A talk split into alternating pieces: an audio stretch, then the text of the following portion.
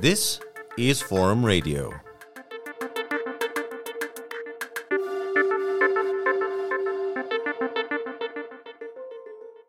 Welcome to Forum Radio with me, Jan Velinger. I'll be your host for the next 30 minutes or so. Today, my guest is Anežka Kuzmičová, a researcher at Charles University who has conducted extremely creative research into children's reading since 2020. Now, usually, educators and researchers focus on issues of literacy or language acquisition. And by contrast, there has been relatively little study looking at what children actually experience as they read and what they take away. Anežka Kuzmičová wanted to change that. Reading is different. It's a very fundamental subject in schools, but it's also the one skill that you acquire in school that is completely essential to your future survival. Taking a different approach, she and her team devised numerous methods to get below the surface, to get at what children experience while reading, but in the past were rarely asked to describe. Do you want a sneak peek? Some kids are swept away by the plot. Others identify with characters, and others still see reading as something of an intellectual performance. So, diverse experiences in children's reading, that's the focus of our interview today. I know that you've branched out in many different directions, but what was the initial aim of the project? So, the initial aim was to go into schools and sort of look at how children experience reading in the school environment, but also to talk within the environment uh, about their experiences outside school. So, uh, we had lots of um, in class observations planned and actually scheduled with uh, different schools all over the place. And we were going to run some lovely focus groups with a lot of creative features that we had designed. And we were re- really, really excited about this. We're looking forward to doing this. And a pilot study started on the 6th of March 2020, which was also the last week uh, the schools were open for another more than a year. Because COVID started, of course. Because COVID started. Yeah. Um, so these past two years have been really tumultuous in many senses for me because the way research works, uh, you can't really postpone collecting your data forever. You have to sort of go on and collect your data.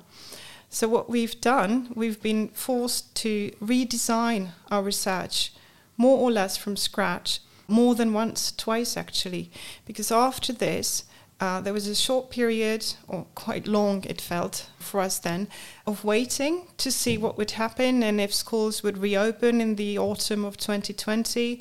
And eventually we realized at the start of autumn 2020 that we couldn't go back to schools. And so what we did was we had to venture into talking to children in their home environments which requires a different kind of setup. We had to redesign scripts, as they call it. That is uh, sort of the um, sets of questions we had for the children so that they would work in individual designs. But we were also able to personalize our research much more and work with the physical environment in which children lived and talk about their home based literacy practices. So we would learn a lot about to what degree the siblings or the parents were maybe part of the reading experiences and how much the children toggled between reading and watching TV and playing games and how these things were connected. So, in a sense, this made more sense. Mm-hmm. um, and uh, it's amazing to me, as you said there, how much thinking on your feet you and your team had to do because the situation it's almost easy to forget now because right now we're going through a, a, much better period, but it really was a crazy, crazy time. It was a crazy time, and you could never tell what the next week would be like. It was really hard to plan anything, let alone uh, research sessions in school environments. I very much empathized with school management. I felt like all the school principals should be awarded MBAs uh, in the throughout the entire country just for these two years of real heavy stuff, real heavy crisis management. You changed your approach, but before we get into the details and some of the things that you began to uncover, why is it important to study how children read? And is it an area that has been mined or explored before? Uh, no, it hasn't. That's uh, that's the short answer. And it, this is this is not just about Czechia. I would say, generally in the international context, there's very little studies looking into children's experiences of stories or texts proper on the detailed level of moment to moment experiencing. There's a lot of research out there in the subject of literacy that sort of deals with children's experiences of being literate, meaning what it's like to be acquiring the skill of reading in the classroom, and what does it mean to me if I'm not so much into fiction as much as maybe the girl who sits next to me in the class, etc. How does that affect my self perception? So there's a lot of research on experiences in this sense, but there's very little research on experiences in the sense of moment to moment apprehension, a moment to moment experiencing of what is happening in the story and what it does to me in the short term, in the very moment of reading, and also in the long term. That is, once the book is finished, or maybe once I've walked away from the book because it didn't capture my attention, uh, but I maybe continue sort of reflecting over this experience. Because when you think about it, it's really interesting that reading is different. Um, it's a very fundamental subject in schools, but it's also the one skill that you acquire in school that is completely essential to your future survival. It's a skill and a habit, if you're lucky, uh, that changes your life fundamentally and also your experiences of what it is to be a person. So that's why it's interesting to, to speak about experiences with children. Also, another angle is that children are very rarely asked about their experiences of anything mm-hmm. in general. Uh, uh, they're sort of in research. I've already mentioned that there's some research, and there's a growing body of this research that looks at the experiences of acquiring the skill of literacy. But in general, I would say society pays relatively little attention to children's experiences, apart from maybe clinical contexts such as, you know, the helping professions and psychology. But generally, it's like one looks at them through the lens of their developing skills and through the lens of what the skills should be once they're sort of ready formed, ready made people, rather than sort of exploring their experiences in their own right as a valid part of what it is to live together in a society. When I was thinking about it myself in my own childhood, I had a teacher who would read us uh, Hugh Lofting, I think the author's name was, uh-huh, Doctor right. Dolittle, and uh, and it, I would be transported, and some of the other kids uh, who liked it would be transported for you know fifteen minutes or half an hour to the South Pacific. Speaking of this, I mean these communal reading experiences are really good, also because they give you a shared background to go back to as a group uh, what your classmates say, so you can make references to what you were listening to together when you're maybe out there in the playground in the afternoon or maybe a week later. If this area was not studied, did that mean that you had to come up with a kind of new methodology of your own with your team to sort of crack the nut to get to the core? Absolutely, we did. And I was very lucky to have Marketa Supa on my team, who comes in from the viewpoint of undoing, untangling children's experiences of pretty much anything. She's sort of into children's experiences. When I first started this research, my strength was thinking about reading. But the work I'd done with children was not as robust as Marketa's when we first started. We complemented each other very well. So I was the reading expert, and she was the children's expert, sort of. Um, and so, we, yeah, we really had to sit down and work out some very fundamental things about how to go about asking children about their experiences in the first place, showing our participants that anything goes in answering. Uh, because one of the things that we've been encountering on and on again was this children not being ready to open up because they're simply not used to their experiences being interesting to anyone. And this is also true about their story experiences and story reading, which is weird because that's what stories are about. They're about giving you experiences. But they're very unused to grown ups being interested in these things. First, we had to do it for a school setting. Uh, for the focus groups, and then we had to move into children's homes. But eventually, it became unethical to walk into children's homes because there was no COVID vaccine and there was not even a way of testing yourself, not the quick way anyway, that was that would be available to the general public. So what we had to do eventually was sort of think of a different approach. Uh, we had to adopt yet another methodology. So we started with focus groups, then we moved on to individual in-depth interviews using many of the props that we had taken pains to develop for the focus groups. But then we had to move into the online space and had to start talking to children online uh, using something called Q methodology, which is a fascinating method of probing people's subjective experiences. It was developed over 50 years ago. And what it does is it studies pre existing differences between people or pre existing groups uh, in the population in relation to a particular form of experience, so mm-hmm. to speak.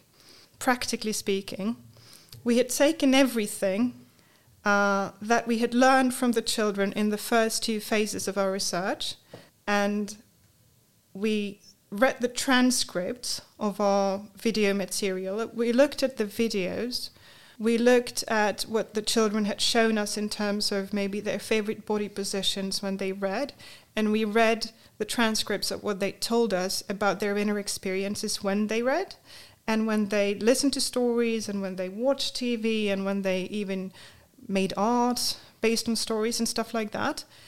And we transformed all of this into two virtual decks of cards. The first deck consisting in pictures of different body positions when you engage with stories, not just in written form, and also different situations. So, for instance, a little picture of a child sharing their story time with a friend as opposed to being alone, stuff like that.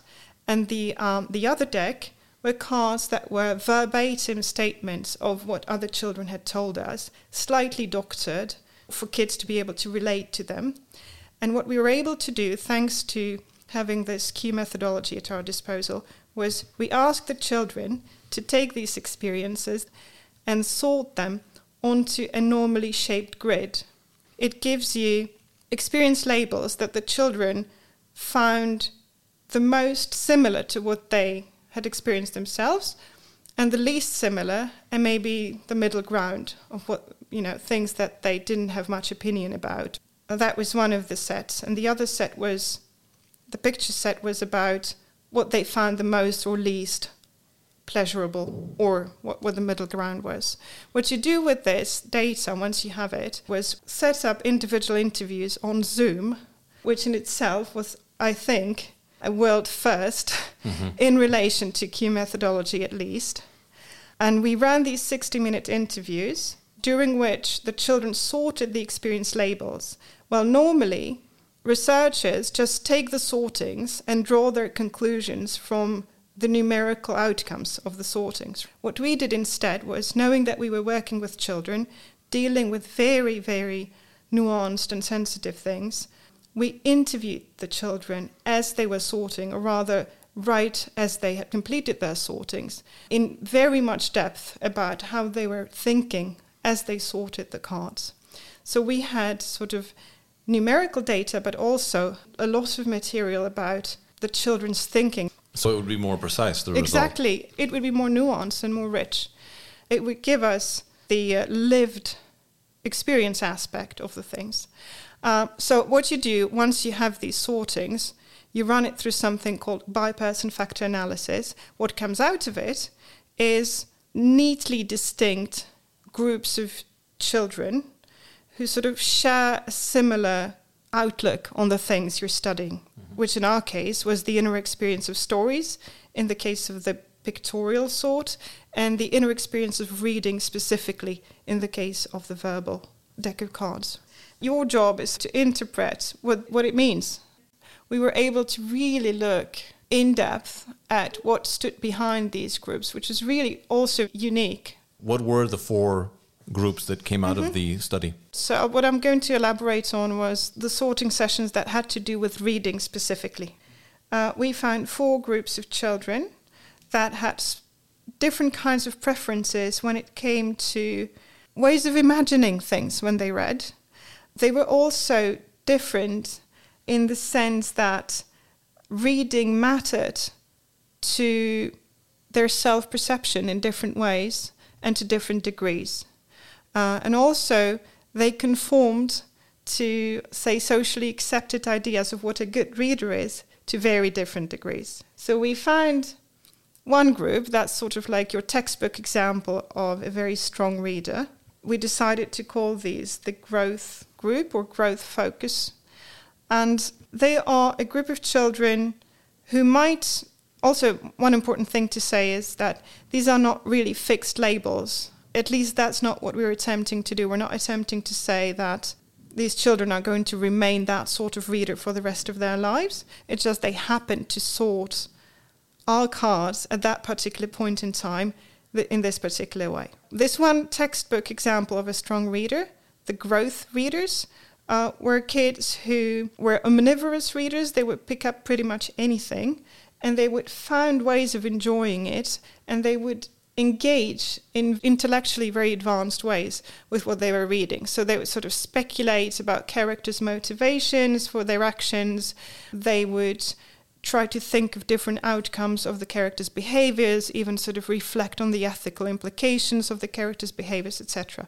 So that's sort of your unspoken idea of what a strong reader is, I would say. But these were just a tiny group. That said, that it doesn't mean that the other children didn't come across to us as engaged readers.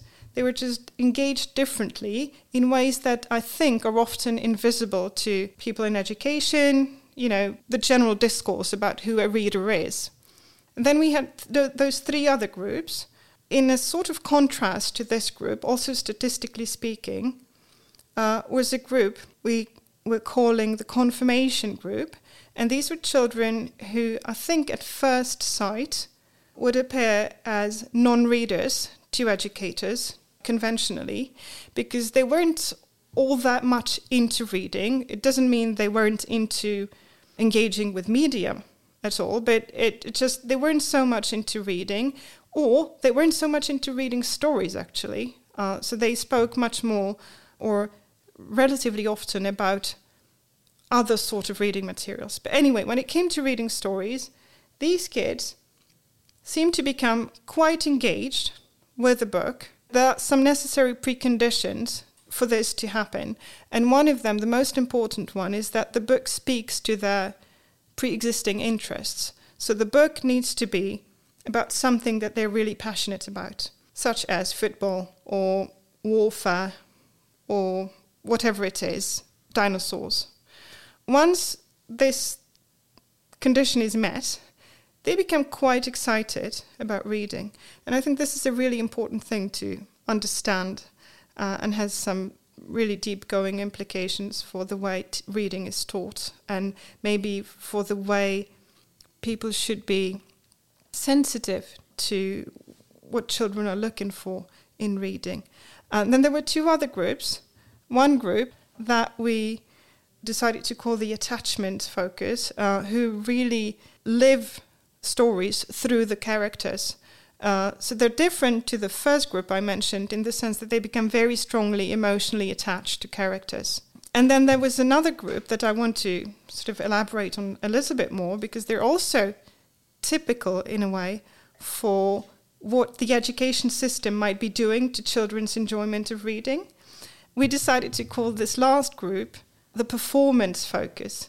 They seem to be doing perfectly fine as readers, but their main concern when they read was whether they were good enough readers, whether their reading was a good enough performance of the activity of reading. When asked about who a good reader was, for instance, uh, they would be the one group who would consistently cite that a good reader is a person who manages to read such and such amount of pages in such and such amount of time, and who only makes such and such amount of mistakes.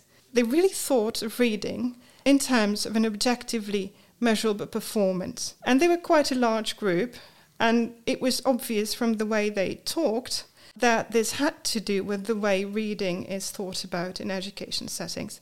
Now, it doesn't mean that there were, wasn't uh, enough sort of subjective substance to how they experience stories, but really everything they said sort of somehow revolved about being efficient, about performing well, uh, about enjoying the feeling that they're performing well. But it felt like a lot of this was not really, didn't really have to do much with intrinsic uh, motivation, as they say, that is your inner motivation, but rather something that's instilled in you from the outside. But if we're thinking about instilling quote unquote good reading habits or uh, awakening a passion for reading among children, from what you're saying, there's no really one size that fits all. And in fact, your study suggests or reveals that it's a mistake to maybe praise or overemphasize that first style of reading because emotionally perhaps i mean these children in the other groups it doesn't mean they're disqualified or don't have their own path correct? It's just a different way of getting there. Absolutely. The different ways of getting there and also there's a lot of talk out there uh, that we're not even sensitive to as adults because we're so used to it. It's so automatic to us that this is what good reading is uh, that children sense, sort of. There's one concern that is a feeling of inadequacy if you're not that meditative type of reader who will devour any book, who will be perfectly happy reading a book that's 800 pages long, etc.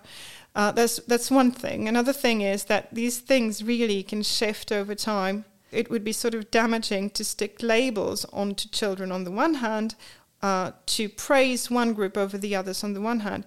What might help is sort of making children aware of individual differences, simply. Exactly as you said, there's different ways into engaged reading, and all these ways are engaged in their own way. Yeah. And to what degree today are other media a distraction from reading?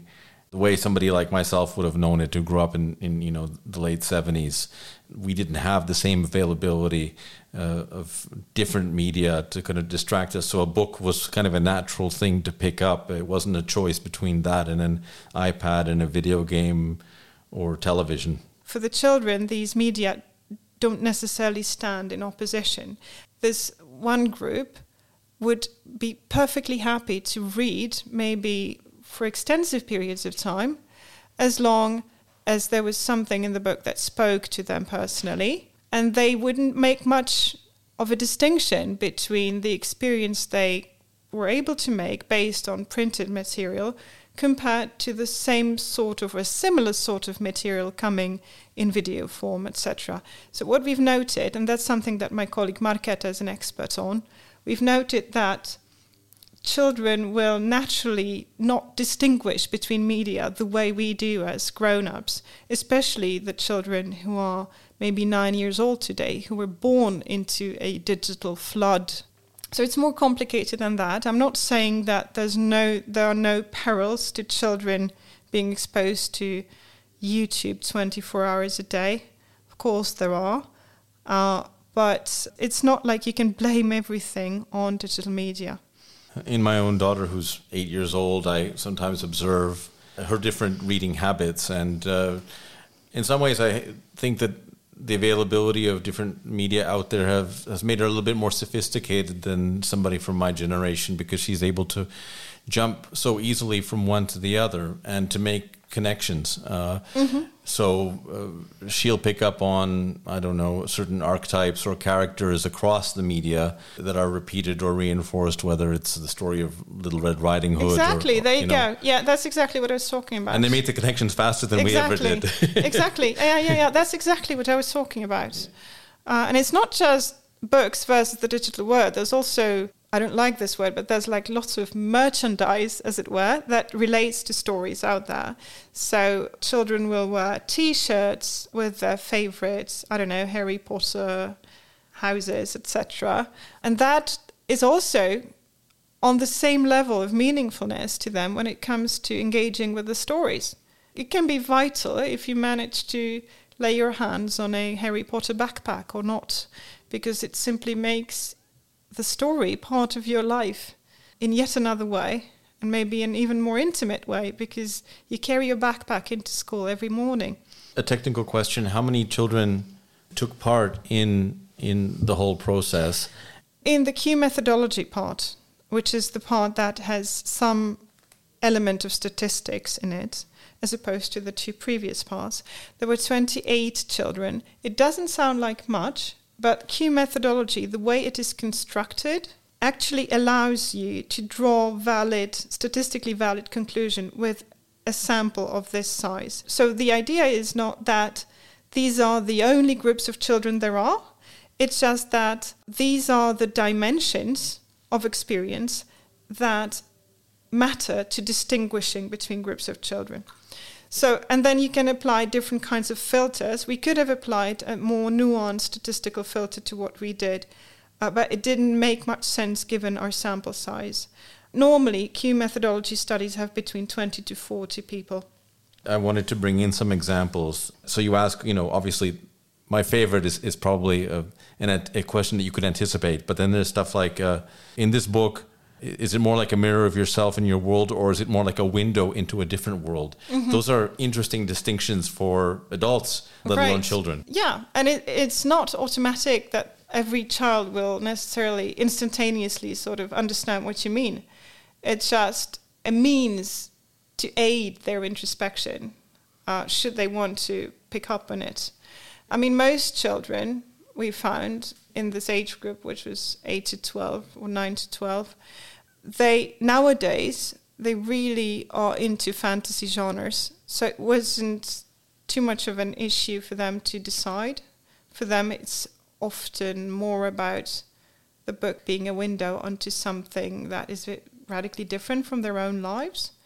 But not all of them. Some of them would find in the very same books maybe put emphasis on maybe one of the characters being similar to them in terms of gender, perhaps, in terms of their hobbies, stuff like that. So it's not automatic. The props don't necessarily, they're not a magic trick. They don't always work with every child. But their being tangible is an important thing. So, what, because what we're talking about here are really tangible props made of glossy card, which is something that is quite important. It provides something for the child as they're reflecting on their experience to fiddle with physically um, and sort of materializes a metaphor. Because what you said, this is quite abstract, uh, quite intriguing even for an adult to think about. But this fact that we use these physical props rather than just abstract language the way we do it now when we're talking to each other made it much easier for children to grasp the meaning of what we were saying. One follow up was there any preference or dominant position when reading? Positions and when reading, this varied systematically depending on what sort of group you were in. In the first sorting study, the one that used pictorial cards, so we had one group who always moved around. They would like move around the entire room and shift positions. And incidentally, also the group who were who we call whom we called story makers. They made stories. They liked drama, stuff like that. Mm-hmm. And then there was maybe another group who were more like of a sedentary type of group and who didn't even reflect on actually assuming any sort of bodily position. Simply the body was sort of switched off their consciousness when they read. They were only able to reflect on it once we asked them. A lot of children like to sort of sprawl and lie down and sort of laze around when they read. That's a very, very popular position. From childhood, the best experience ever was a hammock yeah. at a rented house, uh, country house. Oh, yeah, lovely. That sounds good. Fantastic place to read. Yeah, so yeah, yeah. really Hammocks in trees. Yeah, that sounds like the perfect setting. Yeah. Anežka Kuzmičová, thank you so much for coming in. Thank you. Thanks very much for having me.